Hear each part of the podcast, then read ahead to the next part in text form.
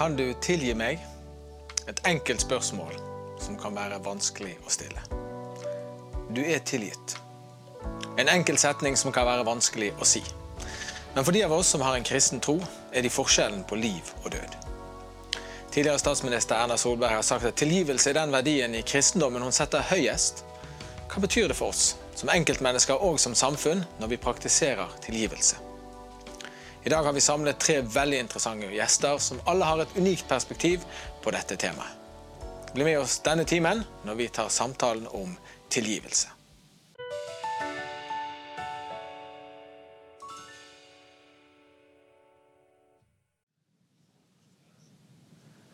Ja, og eh, Kveldens første gjest det er Kjetil Klungland. Velkommen til deg, Kjetil. Takk for det, Bjarte. De som så på Live med venner denne uken, de eh, ble litt kjent med din historie. Men eh, du er sønnen til Arne Sigve Klungland, eh, som døde tragisk under Nokas-ranet i 2004. Og Vi har spurt deg om å komme hit fordi at du har sagt at du har tilgitt de som gjorde denne uretten mot din familie og din far. Hvorfor? Først og fremst så måtte jeg definere litt om hva tilgivelse betydde for meg. Eh, når jeg var liten, så var tilgivelse så veldig enkelt. Altså Jeg gjorde noe vondt mot f.eks. For foreldrene mine. Og så kjente jeg på at jeg angra, og så eh, ba jeg om unnskyldning og tilgivelse for det jeg hadde gjort. Og så sa f.eks. mamma eller pappa at eh, nå er det greit. Nå er det, nå er det glemt. Nå fikk tilgivelse en helt ny dimensjon for meg. Fordi hvis jeg tilga, sa jeg da at jeg hadde glemt det som hadde skjedd, eller at det var greit. For jeg hadde ikke et behov for å si at det var greit, og jeg hadde heller ikke behov for å glemme det som hadde skjedd. Men etter hvert i prosessen så, så jeg jo mer det at det er jo meg sjøl som får nytte godt av tilgivelsen. Det er jo jeg som sikrer min egen livskvalitet. Men, men i disse her prosessene her så måtte jeg først og fremst finne ut av hva tilgivelse betyr for meg. Fordi at eh, jeg tror tilgivelse kan bety så mangt fra, forskjellig fra person til person. Eh, for noen så betyr tilgivelse at eh, ugjerningen må gjenopprettes. Her var min far død, og det, var ikke mulig å gjenopprette det. For andre så betyr tilgivelsen at, at den som har gjort ugjerningen, må be om tilgivelse. Og her var det ingen av ranerne som, som, ba om min tilgivelse. De beklagte det som hadde skjedd, men det var ingen som ba om min tilgivelse. Og For andre så betyr tilgivelse at den tilgir uavhengig av den andre. Og Det var nok litt der jeg, jeg var, at eh, jeg kjente at det jo, jeg tilgir jo for min egen del for at jeg skal kunne gå videre med en god livskvalitet. Mm. Du har sagt at du var ikke sint på de som hadde gjort dette. Mm. Gjorde det det lettere for deg å tilgi? Ja, det tror jeg absolutt. Og jeg må jo si at jeg har stor respekt for de som, som sitter og kjenner på et sinne, et ønske etter å ta hevn, og så kommer fram til en tilgivelse. Jeg har stor respekt for den prosessen der. For jeg opplevde som for meg var ganske enkelt, fordi at jeg var aldri sint. Jeg, eh, jeg, kjente ikke et sinne på de som hadde gjort dette. Eh, jeg kjente ikke et ønske etter hevn. Og, og um, lurte jo på hvorfor i starten. Uh, var dette en euforisk opplevelse fordi at det var så mye som skjedde med rettssaker og diverse? Eh, så tenkte jeg kanskje at når ting roer seg litt, at kanskje da kommer sinnet. Men, men, eh, det sinnet, det, det kom aldri. Og, og, eh, til å begynne med så, så kjente jeg liksom på Er dette riktig? Det er en urettferdig gjerning som har skjedd, og det er helt legitimt å kjenne på det sinnet. Så tenkte jeg liksom, var ikke jeg glad nok i pappa fordi at jeg ikke blir sint på dette her. Men, men etter hvert så så jeg den friheten det ga livet mitt med å slippe å gå rundt og være sint, som òg kan utvikle seg videre til et uh, hat.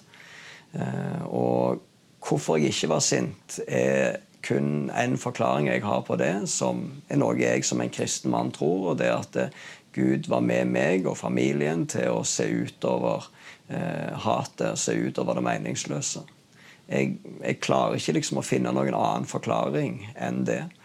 Om det er sånn, det vet ikke jeg, men, men det er den nærmeste logiske forklaringen jeg klarer å finne. De av oss som fulgte mediedekningen av ranet og av eh, rettergangen som gikk etterpå, det var jo egentlig hele den norske befolkningen. Alle fikk jo med seg dette. Det var ikke noen som snakket om tilgivelse. Eh, Verken politikolleger av din far, eh, eller journalister, eller politikere eller påtalemyndighet. Hvordan kom du egentlig på det? At, at du skulle tilgi? For det var jo ikke akkurat noe forventning om det fra omgivelsene. Nei, det var ikke det. Og det var ikke noe jeg heller tenkte på veldig i starten. Eh, så, så, det var ikke noe jeg kjente på at ok, når dette har skjedd, jeg må tilgi. Eh, det, det, var ikke noe jeg, jeg, gikk og tenkte på. Men etter hvert som prosessene gikk, da, eh, så, så, begynte jeg å fundere litt mer på hva tilgivelse betyr, og, og tilgivelsens kraft, og om det er nødvendig for meg å tilgi. Og, og, tenkte at ok, jeg er ikke sint. Og vi har jo i vår kristne tro så er det jo et stort fokus på at vi, vi skal tilgi hverandre sånn som vi òg blir tilgitt. Eh, og begynte å fundere og reflektere mer rundt den problemstillingen. da. Eh, og i da møtet med flere av ranerne så, eh, så sa jo ikke jeg i de møtene at jeg hadde tilgitt dem. Eh, og det var òg fordi at jeg sto i en prosess til å forstå hva tilgivelse betyr for meg. Jeg kunne ikke si det hvis jeg ikke kjente det fra dypet.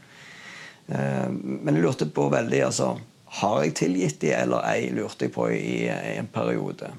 Og for meg så, så ble det klarere eh, med at jeg hadde tilgitt når jeg, etter jeg hadde møtt Kjell Schumann, som var den raneren som løsna skuddet, som, som drepte min far. Eh, at jeg kunne sitte og prate med han i nesten to timer. Eh, jeg kunne hilse på han, ta han i hånda, si takk for at du ville møte meg. Og etter samtalen så kjente jeg fremdeles ingen eh, ønske etter hevn. Jeg, jeg ønska at både han og de andre ranerne skulle forstå konsekvensen av det de hadde vært med på, men jeg kjente ikke at jeg fikk et bedre liv om de fikk det hardere i fengsel eller lengre fengselsstraff. Men, men, etter jeg hadde møtt han, så ble jeg mer rolig for at uh, det, tilgivelsen den er ektefølt. At, uh, at jeg kan tilgi med, med hele meg. Og, og, etter hvert som det ble enda mer ting jeg reflekterte rundt, så kjente jeg enda mer en sånn ro for at uh, det er det rette. Og, og, men at jeg gjør det først og fremst for min egen del. For at jeg skal kunne sikre min videre livskvalitet videre. Var det noen av de som ba deg om tilgivelse? Nei, når jeg møtte de, så var det ingen som ba om min tilgivelse. og det var nok ikke noe jeg hadde forventa heller. Eh, kanskje ikke de hadde et veldig sånn nært forhold til dette med tilgivelse. Eh, så, så, det var nok ingenting jeg forventa. Flere av de beklagte det de hadde gjort og vært med på. Men det var ingen som ba om en tilgivelse. Mm. Vi skal straks få inn våre neste to eh, gjester. Eh, vi har eh, spurt folk ute på et kjøpesenter i Bergen hva de tenker når vi sier ordet tilgivelse. Se her.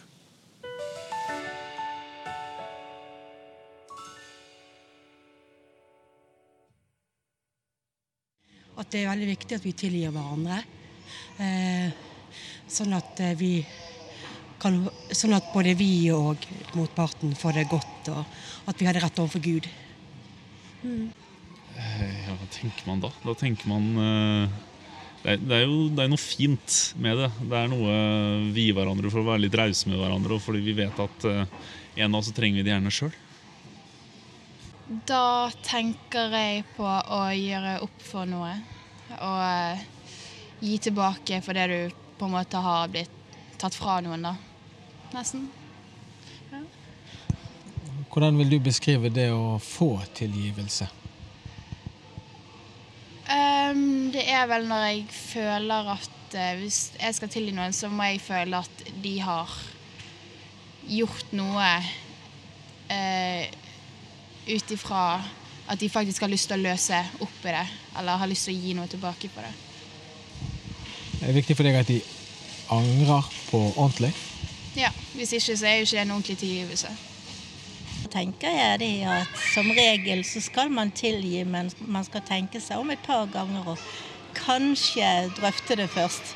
Høre lite grann hva vedkommende som du ønsker å tilgi, hva vedkommende sier.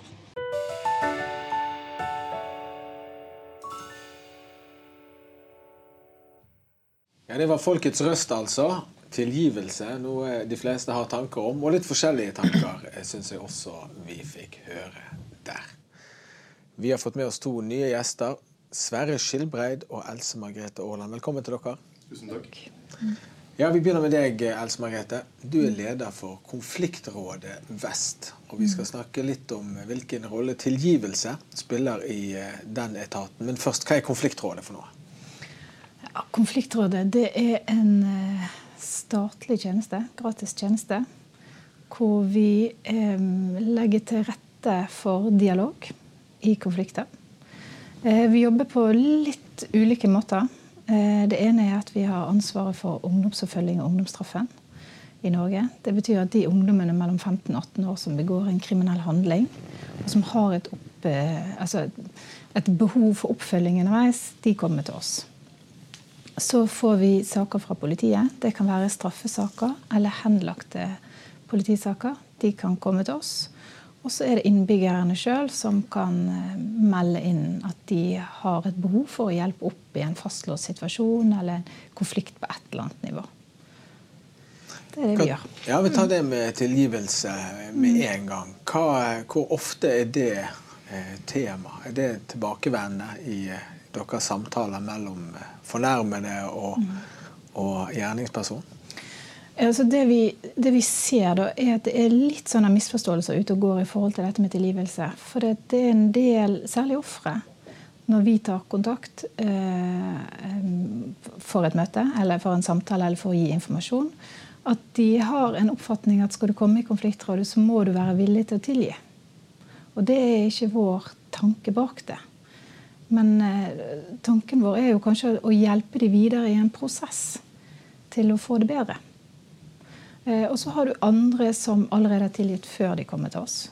Eh, uten å ha snakket med gjerningspersonen på forhånd. Eh, og så har du de som lurer på om de vil klare å tilgi. For noen er svaret ja, men først etter at de har møtt den som har gjort de urett. Har du noen eksempler på eh, situasjoner der tilgivelse har eh, spilt en viktig rolle? Ja, for veldig veldig mange år siden så var jeg mekler i Konfliktrådet. Da fikk jeg en eh, sak fra politiet som jeg skulle mekle i. Da var det en, en ung familie. Det var to barn og to voksne som hadde våkna eh, midt på natten. Det var masse bråk. Eh, og de hørte at det var en person som prøvde å, en måte, å slå inn døra deres. De hadde en ganske sånn tjukk eh, ytterdør, så det ble ganske mye bråk. Eh, de ble kjemperedde. Og så hørte de at personen fikk komme inn liksom i første inngangen. Og de, var, de frykta rett og slett for livet sitt. De ble veldig redde. Eh, politiet kom jo eh, og tok hånd over situasjonen, men det blir mye støy og det blir mye bråk. Og de ser ingenting, de bare hører masse lyder. Så ble dette en sak eh, inne hos oss i Konfliktrådet, og vi tar kontakt. Eh, og har forsamtaler eh, med partene før vi har et fellesmøte.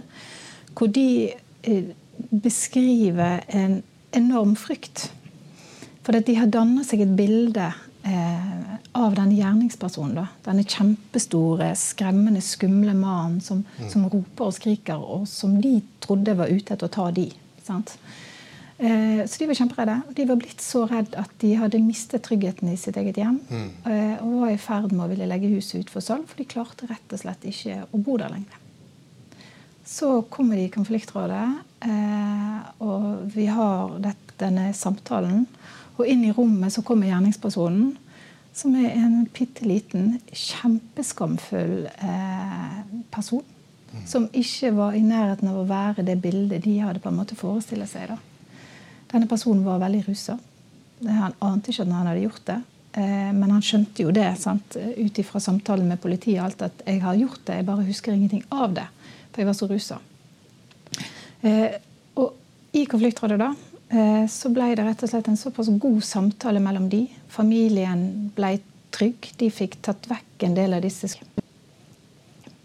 Og så fikk de eh, på en måte svar på en del spørsmål. Så det hele endte med at de eh, tilga personen som hadde gjort dette her. Og de ble kvitt angsten sin, frykten sin, og de ble værende i huset. Og denne personen her fikk jobbet litt med skammen og fikk gjort opp for seg. Tilgivelsen ble god for begge parter. Akkurat. Mm. Hva er, Når dere får en sak på bordet, mm. parter, hvor opptatt er dere av det med tilgivelse? Vi er ikke så opptatt av det. Eh, for vi kan ikke bestemme for andre hvem som skal tilgi, og hva du skal tilgi. Og hvor er du hen i prosessen for å kunne tilgi. Men vi er opptatt av å være her for begge parter. Og, være, og hjelpe de videre i prosessen for at de skal få et godt liv. Opplever du eh, at tilgivelse hjelper folk eh, ofte, eller er det en tung forventning, eller noe som de syns er vanskelig å forholde seg til? Altså når vi har fått pratet om det og fått lagt vekk denne her, eh, den antatte forventningen, da, så går det mye lettere. Fordi da, da er presset tatt vekk. Og da, da, kan de på en måte jobbe med seg sjøl. Eh, for, for, jeg tror det handler like mye om forsoning. Å forsone seg med at 'dette har skjedd meg', 'dette har jeg blitt utsatt for'. Mm. Og når man gjør det, så er man også klar for å tilgi for sin egen del. Ikke for gjerningspersonen sin del, men for sin egen del for å kunne gå videre. Og det skjer oftere enn man tror. Mm. Hva skjer med, i rommet når noen sier disse ordene 'jeg tilgir deg'? Det er, det er um, ganske magisk. Og jeg tenker uh, jeg er ganske uh, ydmyk på å få lov å være vitne til det. Uh, fordi at um, stemning, hele stemningen i rommet endrer seg. Du ser personene blir letta. Det, det, er nesten som, som, det faller en slags egen ro. Det, ting faller på plass. Og det betyr ikke at man har, aksept, altså at man har akseptert at det du altså, hvis, hvis, jeg tilgir deg, så betyr ikke det at det er greit, det du har gjort for meg. Sant? Jeg har akseptert at jeg har blitt utsatt for det, men, men, det er ikke greit, det du gjorde for meg likevel. Og når man på en måte kommer til den erkjennelsen, da, så, så skjer det noe med oss mennesker. da. Vi, vi, blir roligere. Og de personer som kanskje har kommet litt sånn krokbøyd inn i rommet, full av skam, kan gå litt rettere ut igjen. Og det, det er ganske fint å være vitne til. Sverre Skylbreid, du eh, nikker, og, eh, og, og, det er tydelig at dette er gjenkjennelige ting for deg. Eh, hva tenker du om det hun beskriver fra sin arbeidshverdag? Jeg syns det er spennende å høre. Og det er ikke så overraskende som vi snakket om før, før programmet her, at det er jo det er mennesker. Uansett hvor vi jobber. Eh, og det du snakker om, er erkjennelsen og det å få lov å, å forstå at det har skjedd det har virkelig skjedd. Eh, Det, er, det, er, faktisk nesten den viktigste jobben som jeg opplever som sjelesørger. Så for det, det, du sier da, at det er ikke veien til tilgivelse så lang. Mm. Fordi det veldig mange opplever, og kanskje særlig kristne sammenhenger, dessverre, er at å tilgi er å dekke over. Mm. At det har ikke skjedd, eller det er ikke så farlig, mm. eller at det var greit det skjedde, eller vi må bare gå, gå videre og, og, late som at det var greit. Og det er en veldig feil byrde å legge på folk. Så jeg kjenner veldig igjen det du sier. Det er interessant. Du er sjelesorger, Sverre. Eh, hvor, eh, hvilken rolle spiller tilgivelse eh, i sjelesorgsrommet ditt? Det er nesten alltid med. Nå sitter jeg jo ikke med parter, sånn som du gjør. Jeg sitter med en stor grad unge mennesker, men nå har vi jo på bibelskolen hvor jeg jobber, så er det jo mange forskjellige aldre nå. Men veldig ofte så handler det om eh, oppvekst. Rett og slett fordi at foreldre er så grunnleggende i det at et menneske formes. Og så er det også grunnleggende i forhold til gudsbildet.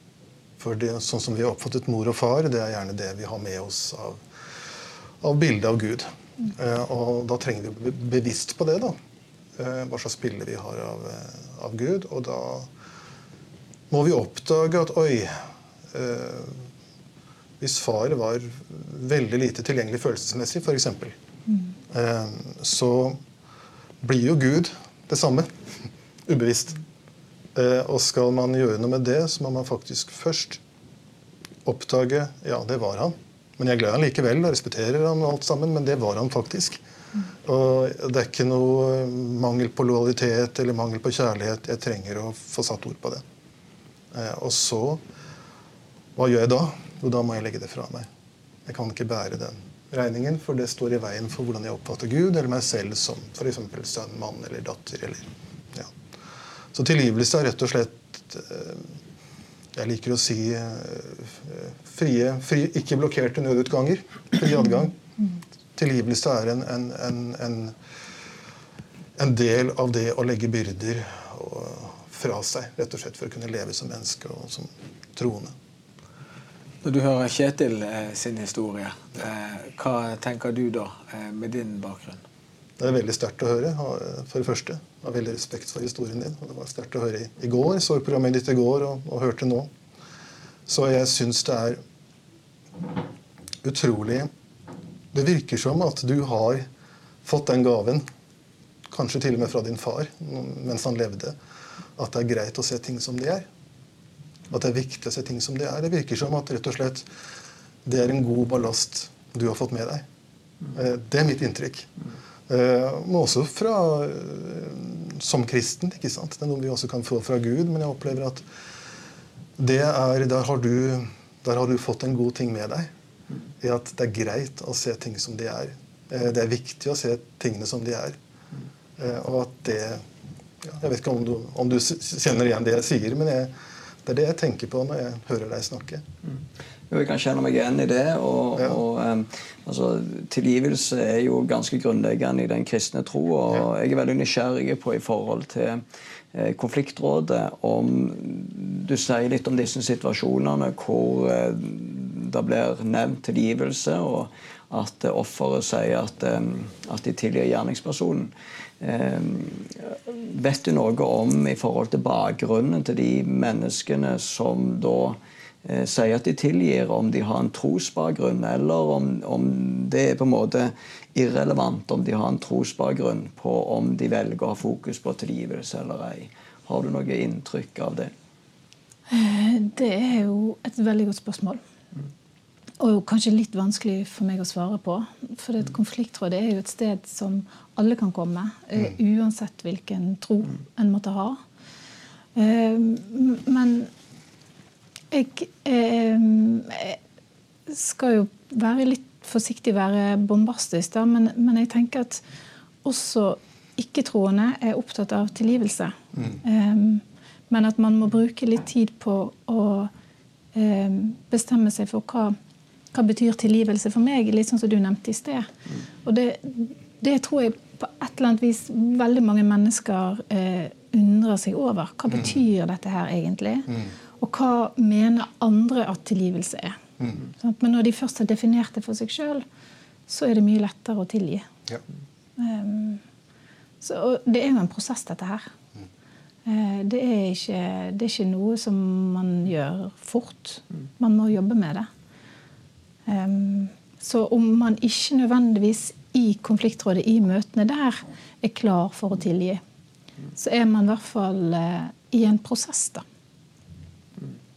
Du, på vei et sted. Eh, du, Sverre. Eh, når, eh, når, Else Margrethe sier 'prosess' mm. eh, Det er ikke sikkert at de, de, som kommer til deg, bestemmer seg for å tilgi etter første timen.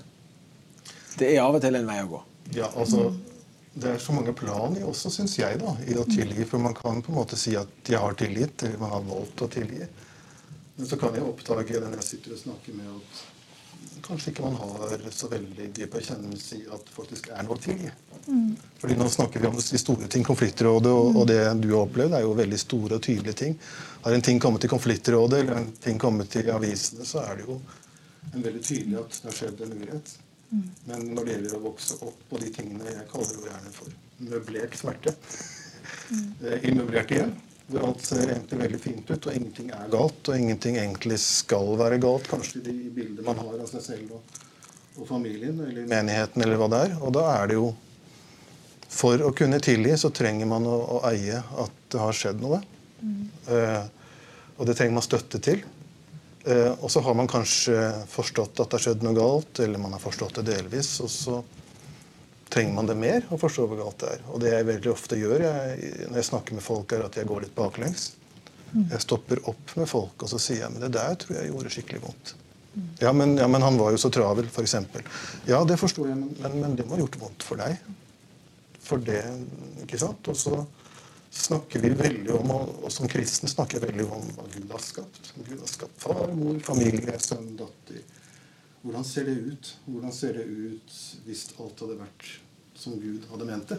Og det er det jo ingen steder. For ingen, ingen steder er det perfekt. men men, men hvordan, hvordan, ser det Vi begynner positivt. Vi begynner med hvordan, hvordan ser en familie ut? Hvordan, det, hvordan er det å være sønn eller datter?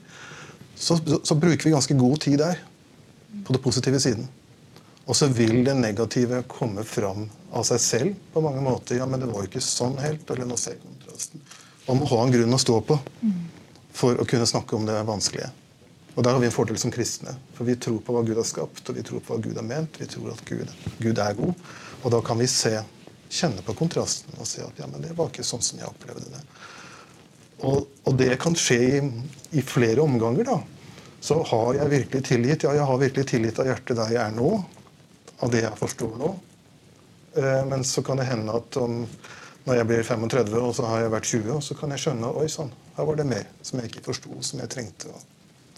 Så det er en prosess på den måten. da, Men så er det også noe med at man har lov å si at de har valgt å tilgi, og så har man ikke forstått alt. Hvis ikke så blir det en sånn øh, psykologisk øvelse bare. Og det blir på en måte Det blir, det blir andre enden igjen. Tilgivelse betyr mye eh, forskjellig, forskjellig for, for, oss alle. Sånn som mm. du er inne på, Else Margrethe, og som du snakker om, Kjetil, i din sak. Du måtte først finne ut hva tilgivelse var. Eh, jeg tenker på deg som får inn folk fra alle typer kulturer, alder, samfunnslag. Vi kjenner til noen kulturer der tilgivelse ikke er et ideal i det hele tatt, men der man skal gjøre hevn, og blodhevn, på vegne av familier osv. Når du får folk eh, inn som ser annerledes ut enn oss fire som sitter her, ser dette annerledes ut? Nei, altså jeg tenker nok at uansett så er jo eh, behovet for tilgivelse like stort. Um, men så er det jo liksom hva, eh, hva gir samfunnet deg lov til? Sant? Er det greit at du tilgir? Mm. Um, og det er jo liksom Når andre mennesker begynner å blande seg inn i det, så kan det, kan det fort bli veldig trøblete for den som, som strever med det. da. Og så tenker jeg jo det at uansett om det er noe sånn stort og alvorlig som har skjedd, eller om det er for oss i dette rommet da, noe lite og ubetydelig som vi tenker skulle vært enkelt å tilgi, så er det ikke sikkert at det er det for den personen. da. Mm. Um, for det, det, handler liksom om hvor, hvor du er, og, og, og, hva du må finne ut av. Hva du må få plassert. Og der er ikke det noe forskjell på kulturer, tenker jeg. Det, der er vi mennesker like. Mm. Og roen blir jo den samme. Mm. Uansett hvor du kommer fra. Mm. Kjetil, det var ingen som ba deg om tilgivelse. Mm. Likevel så bestemte du deg for å tilgi for din egen del. Si litt mer om den refleksjonen du gjorde rundt det. Mm. Det var jo litt sånn som du sier, at for min egen del For altså det er egoistisk, da. For at jeg skal kunne ha det bra, så tenker jeg at det, det, det var det er riktig å tilgi. Eh, men så opplever jeg òg at det var ganske enkelt for meg, da, fordi at jeg, jeg hadde ikke det sinnet. Og litt sånn som Jeg sa, jeg har stor respekt for de som sitter med det sinnet. Og skulle liksom ønske at jeg kjente på sinnet, og så gjorde jeg sånn og sånn, og så kom jeg fram til tilgivelsen. Men det var bare ikke sånn det opplevdes ut for meg. Men, men, eh, men for meg så, så handla det om å, å, tilgi, og så mest for min egen del. Og så hadde jeg òg eh, et sterkt og dypt ønske om at den personen som jeg da tilga, eh, i dette tilfellet, de flere altså ranerne, eh, at den personen og den og de skulle gå videre i livet med å gå fra å være en byrde for samfunnet med å begå kriminalitet til å gå til å bli en ressurs for samfunnet og gi tilbake til samfunnet og leve et lovlydig liv. Det er noe som jeg kjenner jeg har et ganske dyptgående ønske i meg. Mm. For uh, spesielt opp imot uh, de domfelte i, i Nokas-saken. Mm. Det er ikke bare du som har valgt å tilgi, det gjelder resten av din familie også. Din Ja. mor som mistet sin eh, mann i en alder av bare 54 år. 53. 53. Eh, brutte framtidsdrømmer, alt. Og hun har også valgt å tilgi. Eh, hva har dette samlet sett betydd for familien deres og det livet dere har hatt siden 2004? Jeg tror det har gjort eh, livet vårt greit. Vi er samstemt om dette, og, at vi kan ha et godt liv eh, på tross av det tapet som, som vi har. Selvfølgelig, vi, vi kjenner på tapet. Vi skulle ønske at vi hadde både vår familiefar, ektemann og, og det blant oss. Men, men eh, vi kan leve allikevel godt med videre. Eh, og så savner man fra tid til annen, eh, men sånn er det. Og jeg tenker ikke så mye på at jeg mista pappa på en veldig brutal måte. Jeg tenker på at jeg har mista min far, som mange andre har mista sine fedre. Det kan være kreft, det kan være andre ulykker. Så jeg kjenner ikke at det, jeg kjenner ikke sorgen tror jeg, på en annen måte enn enn jeg tror kanskje andre gjør som mister sine foreldre. Vi skal eh, få en liten eh, reklamesnutt her, og når vi kommer tilbake, så skal vi spørre pastor og sjelesorger Sverre Skylbreid hvor mange ganger skal vi tilgi, vi som er kristne. Men se her. Hver uke gir vi ut et nyhetsbrev fra Kristen Media Norge. Det kan du få tilsendt på e-post helt gratis. Da kan du få vite hvem som er gjester før noen andre. Der får du se videoer, kommentarer, andakter og annet innhold fra oss. Gå inn på nettsiden kristenmedia.no og registrer deg, så får du nyhetsbrev fra oss hver uke.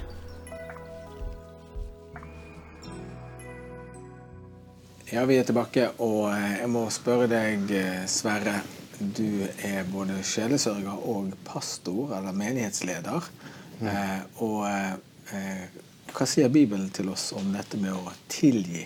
Eh, for det er jo ikke bare et kristent ideal, men det er rett og slett noe Bibelen snakker veldig klart om. Ja. Altså jeg, jeg er en del av lederskapet i menigheten. bare så, så Pastor høres ut som jeg sitter på toppen, liksom. Bare for å si det. Eh, Men eh, det er jo utfordrende hva Bibelen sier om, om, om tilgivelse. Det er jo ganske sterkt når Jesus sier at da skal heller ikke Gud tilgi dere. Og den, den historien som vi kanskje kjenner med han som var satt i gjeldsfengsel, da, som vi ville sagt på østlandsk. Og så slipper han ut, og så, og så kommer han til en annen som skylder mye mindre. Og så, og så kan ikke han betale, og og så setter han han i fengsel. Og så, ja, så blir Herren hans sint, da. ikke sant? Eller, eh, eller Peter som spør da, eh, hvor mange ganger skal jeg tilgi? Min venn skal, min bror skal tilgi ham sju ganger. 70 ganger sju, sier Jesus. Jeg kan ikke sju ganger så langt, jeg, men det eller, eller sier jeg riktig antall? Eh, Bibelskolelærer, husker ikke. men, så det er, jo, det er jo sterke ord, da. Men de ordene kombinert med, med en feil oppfattelse av hva tilgivelse er, er ikke gode. Eller med en oppfattelse av at man kan ikke kjenne på sinne. Eller man kan ikke kjenne på vonde følelser. Det er veldig bra når sinnet naturlig ikke er der, som du beskriver, men, men når sinnet ikke får lov å være der, eh, det er jo en dårlig cocktail. Eh, Så det er så viktig, som, som vi snakker om alle, alle sammen her, hva er tilgivelse? Eh, Og da, da går det kanskje an å nærme seg det Jesus sier. Men det er et alvor. Og, men, men det alvoret som ligger i det, er jo den mannen som har fått ettergitt en helt enorm gjeld. Og det står jo i studiebiblene hvor enorm den gjelden er. Den er sånn helt hinsides, den gjelden han har fått. Eh, Så han, han, det er på det grunnlaget at han ikke tilgir videre. Eh, Og for meg som kristen sjelestorger så må jeg på en måte ha med Jesus å gjøre for å snakke om tilgivelse. For det jeg gjerne gjør, er jo når vi har snakket tydelig om hva som var vondt, og faktisk brukt tid på det. Eh, jeg pleier å ta et ark nå, jeg vet ikke om jeg skal gjøre det nå, men jeg tar gjerne et ark og så deler jeg det i tre. Tre sånne lange remser. Og så sier jeg OK, det der gjorde du som en reaksjon. Ok, La oss si du var sint på faren din og bulka bilen hans. Det var din reaksjon på det far gjorde. Det er din greie. Men det der var farsregning. Den kan ikke, hvis du går og skal, betale den, så er det sånn i Guds rike at hvis hvis du har fem millioner skal betale fars 50 000, du, du får ikke betalt den. For det er hans regning. Eh, den må ligge i Den må vi se hos far først. Eller hos gjerningsmannen først. Først må den ligge der. Skikkelig. Vi må være enige om at den ligger der. Eh, og jeg gir meg ikke, da. Jeg har et uttrykk i sjelesorgen som heter å campe. Altså vi camper til vi vet at vi er der vi er. Vi har ikke et skjema vi skal gjennom. Vi stopper opp til vi vet at der er vi. Dette gjør vondt, eh, og dette har skjedd. Og dette er, den regningen er min, hvordan jeg reagerte. Men den regningen der er ikke min. Den kan jeg ikke bære, den kan jeg ikke betale. Da blir vi gående med den. Eh, og når vi har gjort det skikkelig, da, så spør jeg jo hele tiden er det greit. Vil du dette? Vil du tilgi? For det er ikke noe jeg kan kreve. Selv om de sier Bibelen sier det, kan ikke jeg sitte og kreve av en elev eller hvem det er, at de skal tilgi. Det er deres valg. Men når vi har lagt den regningen der den skal være, så sier vi OK. Hvis du har lyst til å be sammen med meg, kan du be og si at OK eh, Sånn som jeg ikke kan betale mine regninger, så kan heller ikke pappa eller hvem det er, betale sin regning. Og da jeg den videre til Jesus, som døde på korset. Det er min måte å snakke om tilgivelse på.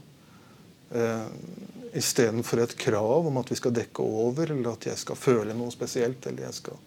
Vi, de, må, ta, de må ta forarbeidet litt skikkelig, da. Og der syns jeg jeg kjenner litt igjen det dere, dere snakker om. Selv om vi kan ha ulikt språk på det. Kjetil, du er en mye etterspurt foredragsholder. Og Hvis man googler deg, så er det dette som kommer opp. Han har tilgitt farens drapsmenn.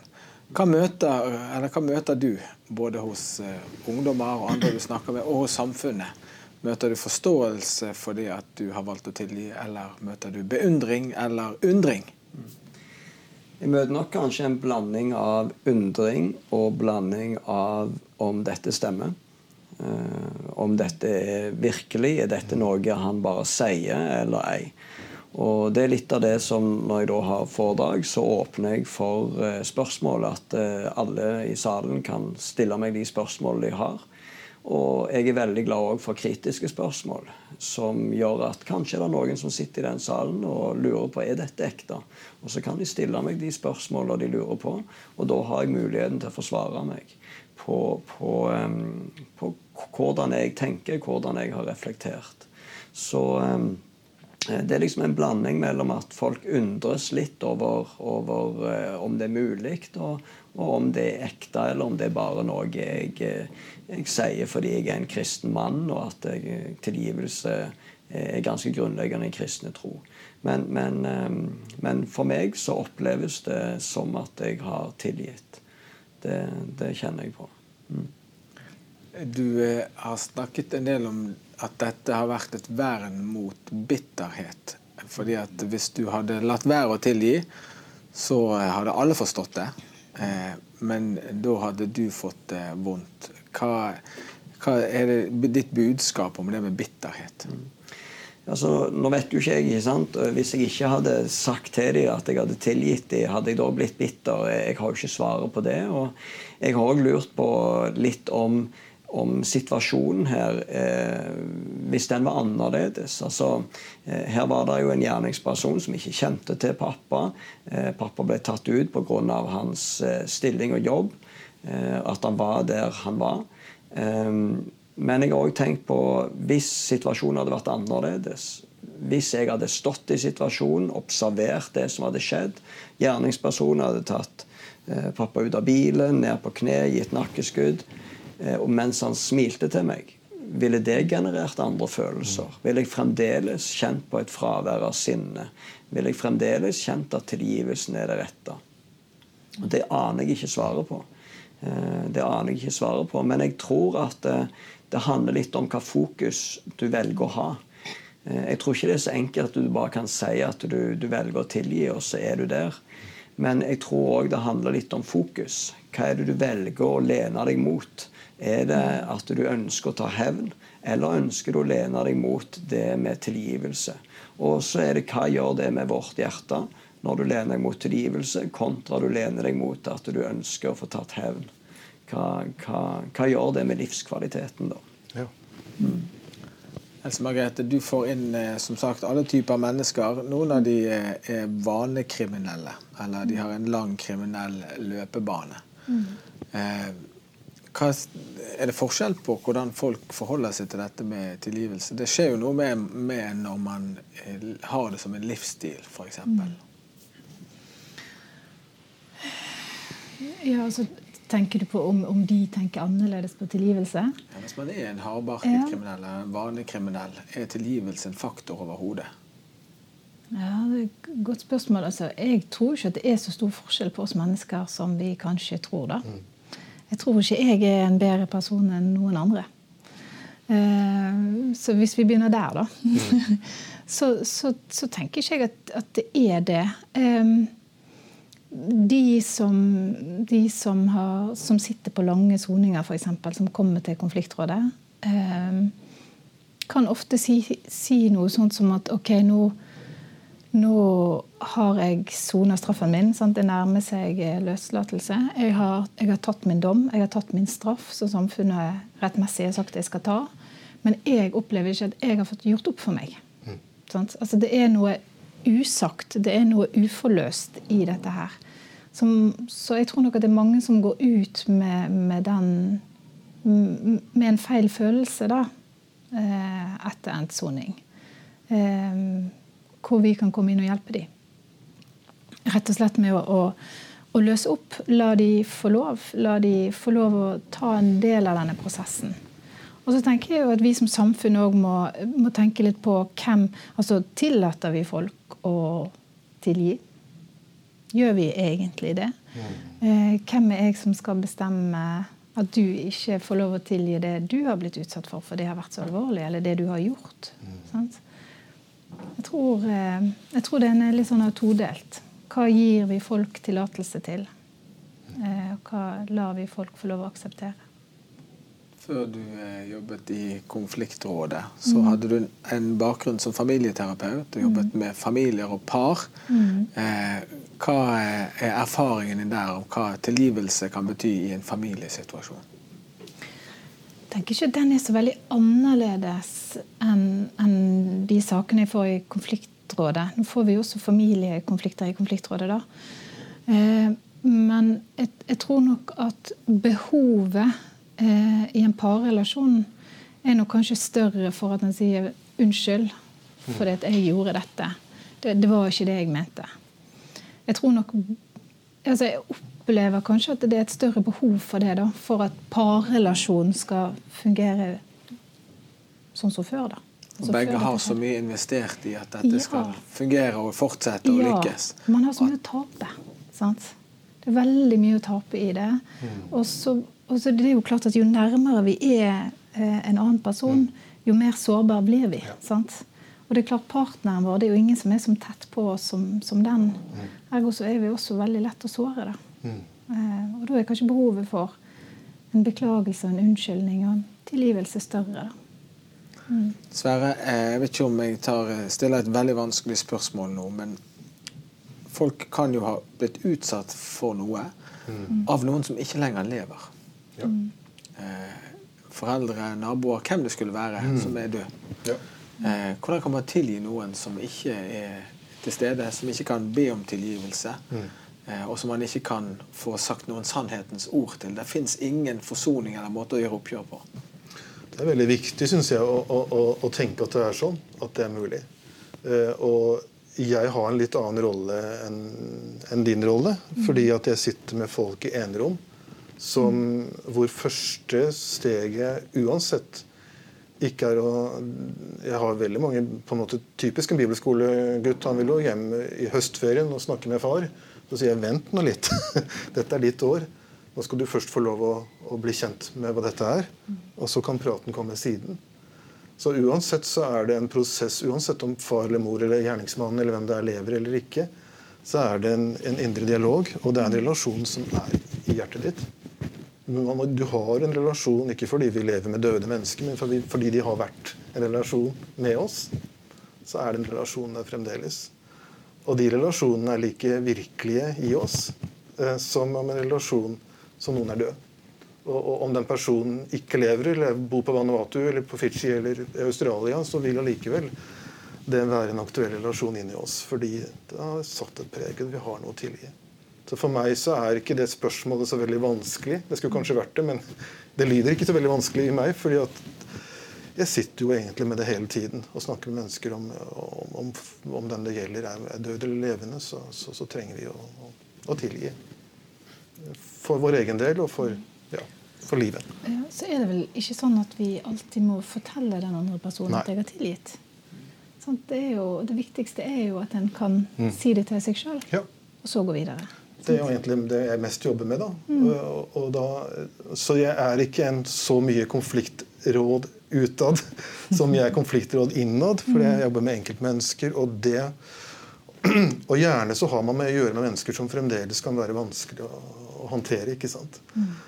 Det kan være mangel på grenser, det kan være, det kan være oppførsel som er, er, er, krevende for den det gjelder.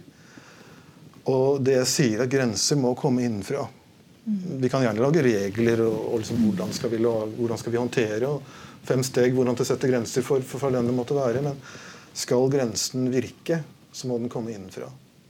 Og da må vi, må vi ha et oppgjørt forhold til at det har skjedd noe galt. Og denne her fine formuleringen i Bibelen som sier retten til å være et barn, retten til å være Guds barn, retten til å være et menneske, egentlig. Det står at jeg har retten til mine grenser, jeg har retten til å ha det godt, jeg har retten til å ikke bli plaget, eller hva det er. Og det innebærer, Skal den på plass, så innebærer det også på en måte å tilgi. For det er liksom bare en annen side av samme sak. Og da Når jeg har den når jeg har det på plass i meg selv, og vet at dette skulle ikke jeg vært utsatt for, eller sånn skulle ikke jeg hatt det, eh, da har vi i andre omgang mulighet for å sette en grense eller for å forholde oss til dem rundt oss. Så den indre jobben, den er veldig den, den, Det er, det er på en måte Bibelskolesettingen handler veldig mye om det. Hvem er jeg hos Gud? Hvem er jeg som sønn eller datter? Hvem er jeg som en troende menneske? Og så vil jeg få effekt utover da, i relasjonene mine, eller familien, eller menigheten eller samfunnet. Så det var et litt avlangt svar på det. Det var et godt svar. Okay. Vi er ved veis ende eh, for denne samtalen. Vi skal straks få en andakt, men først og fremst tusen takk til dere, Sverre, eh, Else Margrethe og Kjetil. Unike perspektiv alle sammen, som jeg tror har betydd noe for de som har sett på oss i kveld. Nå får du der hjemme en andakt av Gunstein Nes.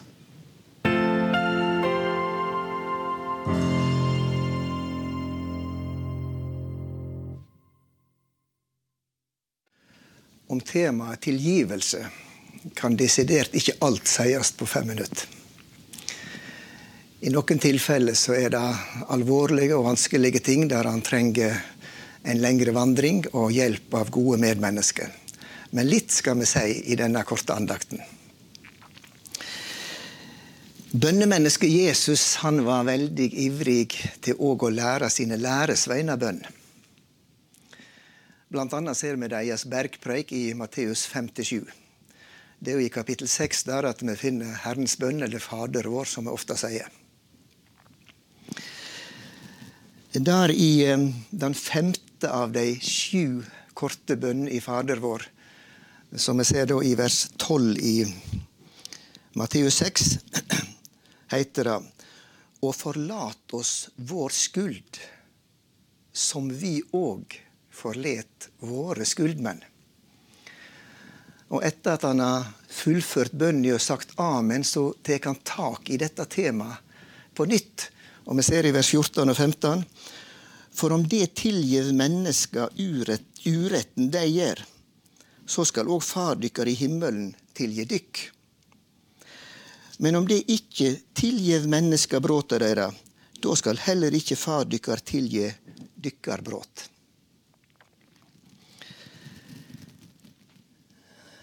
Nå må det presiseres at eh, bergpreiki er ikke forkynnelse for at mennesket skal bli frelst. I starten av kapittel 5 så ser vi at Jesus underviser de som allerede er frelst, som jeg sier. Han har læresveinene sine samla omkring seg. Og så blir det altså disippelundervisning. Det jeg ønsker å understreke, det er at det er ikke slik at eh, et menneske først må gjøre noe, og så skal han få motta Guds store frelsesgave, Guds tilgivelse. Det er å snu saken på hodet. Men mennesket som har fått tatt imot denne ufattelige gave, all min synd er tilgitt.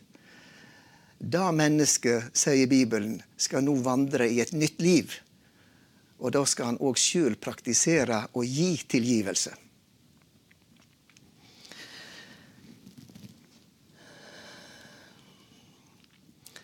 Den eh, kristne hollandske kvinna ten Boom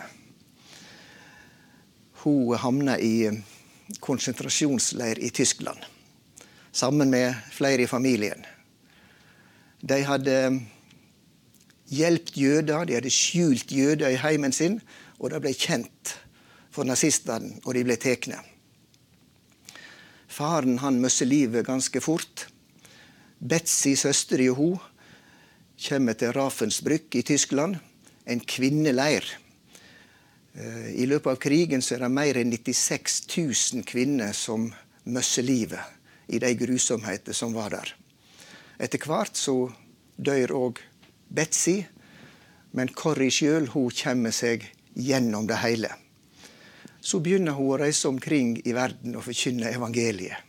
Forkynne om tilgivelse to ganger har reist jorda rundt, sier hun i ei veldig interessant bok. 'Landstryker for Herren'. Har du mulighet til å få tak i den, så anbefaler jeg den på det sterkeste. To år etter krigen kommer hun til Tyskland, til München. Et utbomba land, et trist folk. Og en kveld så forkynner hun om Guds tilgivelse. Hvordan han kaster våre synder i havets djup og tillater seg å si at der er det satt opp en plakat 'Alt fiske forbudt'. Etter møtet, når folk strømmer ut av lokalet, så er det en mann som går i motsatt retning. Mot strømmen. Hun kjenner igjen ansiktet på avstand. Det er en av fangevokterne fra Ravensbrück. En av de mest grusomme. Og du som har forkynt tilgivelse, tenker hun. Og så rulles det opp bilde etter bilde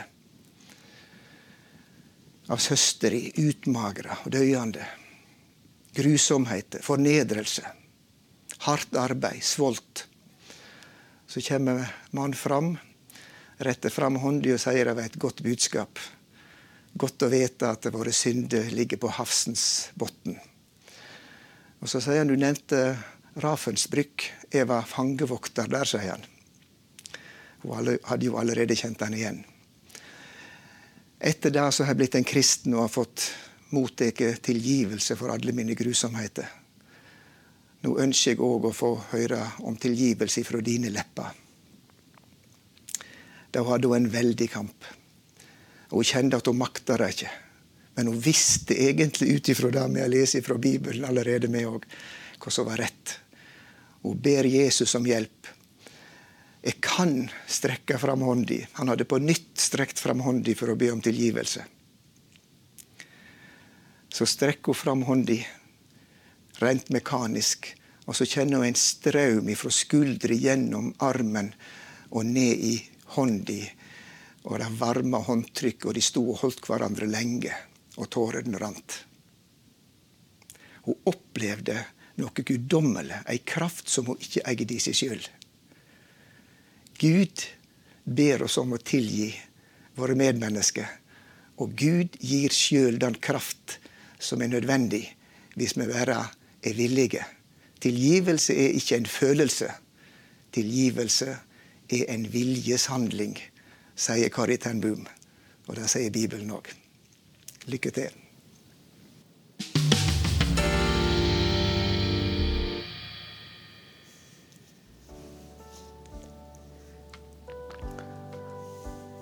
Ja, det var eh, altså eh, Gunstein Nes for en samtale vi har hatt om et kjempeviktig tema. Tilgivelse det kan være vanskelig å be om, det kan være vanskelig å gi, det kan være vanskelig å ta imot, men det er veien. Både for eh, oss kristne og for alle mennesker. Det er veien til det gode liv. Du som har tatt imot frelsen, Du har blitt tilgitt mye. Det står at den som er mye tilgitt, elsker mye. Kanskje du skal la deg utfordre dette om det er noen i ditt liv som du trenger å tilgi også. Jeg håper dette har vært nyttig for deg, eh, og at du kan bruke det til noe. At kan, eh, tilgivelse kan bli en realitet i ditt liv. Enten du må be om det, eller eh, gi det, eller kanskje begge deler. På tirsdag er vi tilbake med Live med venner. Takk for at du har fulgt oss i kveld. Og så ønsker vi deg en god natt, og på gjensyn neste uke.